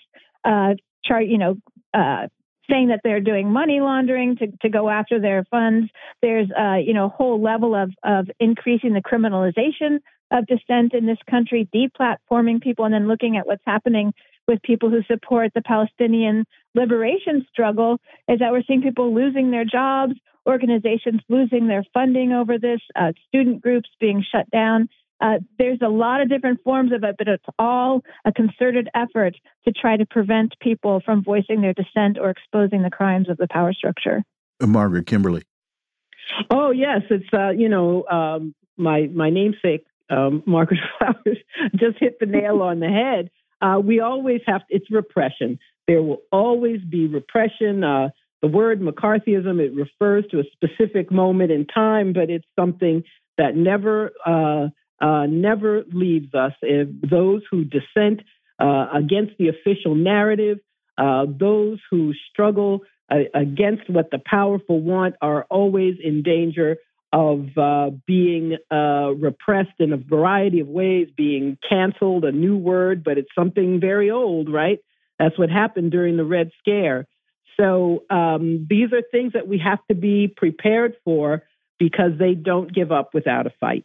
And I have to say this it seems to me that as more, the further the government gets away from its constituents, the further they get from, you know, which is very obvious, what the people actually want, the more they have to censor the people as the sense as the people stick their hands up in the room and say, hey, you guys aren't doing what they want you to do. It becomes more important and more necessary for them to censor. And it's cyclical. This is not the 1st mm -hmm. this is not the first time in history that we've seen this. Is you know, hence hence uh, uh, Margaret Flowers' piece in Popular Resistance, the new McCarthyism. That's because there was an old McCarthyism, and when the government starts to feel threatened, then these are the extra constitutional measures that the government takes to protect itself against the very people that the Constitution was designed to protect. Just really quickly, Garland and I were talking during the break about when you look at the Bill of Rights, there the, the, many of them start with the government shall not because those are considered negative rights. They are protecting us against action by the government. Uh, Margaret Flowers, we got about a minute.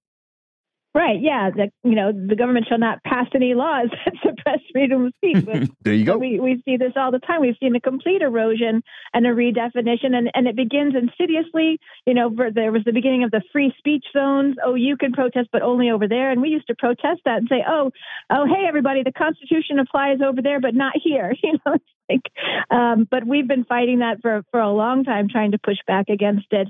But they're going to keep trying to take as much as they can, and, unless we fight back. One minute, Margaret Margaret Kimberley. Yes, uh, absolutely. It's you know, uh, on the one hand, everyone loves to talk about democracy in this country, and and I find the less democratic the country becomes, the more they throw the word around. Uh, so, in order to do these things that we've talked about, that the people don't want, it's it's necessary to uh, have repression that can be cops on the beat. It can be the FBI. Mm-hmm. Uh, it can be uh, censoring and silencing. Uh, these are the things that we're going to be up against. Dr. Margaret Flowers, Margaret Kimberley, we went Margaret squared today, and we are so blessed to have been able to do so. Ladies, thank you so much. Have wonderful uh, holidays and look forward to having you all back. Thank you. Thank you, you so much. Folks, you've been listening to the Critical Hour here on Radio Sputnik. Thank you for allowing our voices into your space. On behalf of myself and my co host, Garland Nixon, we hope you were informed and enlightened, and we look forward to talking with you all right here on Monday on Radio Sputnik. Be safe. Peace and blessings. We're out.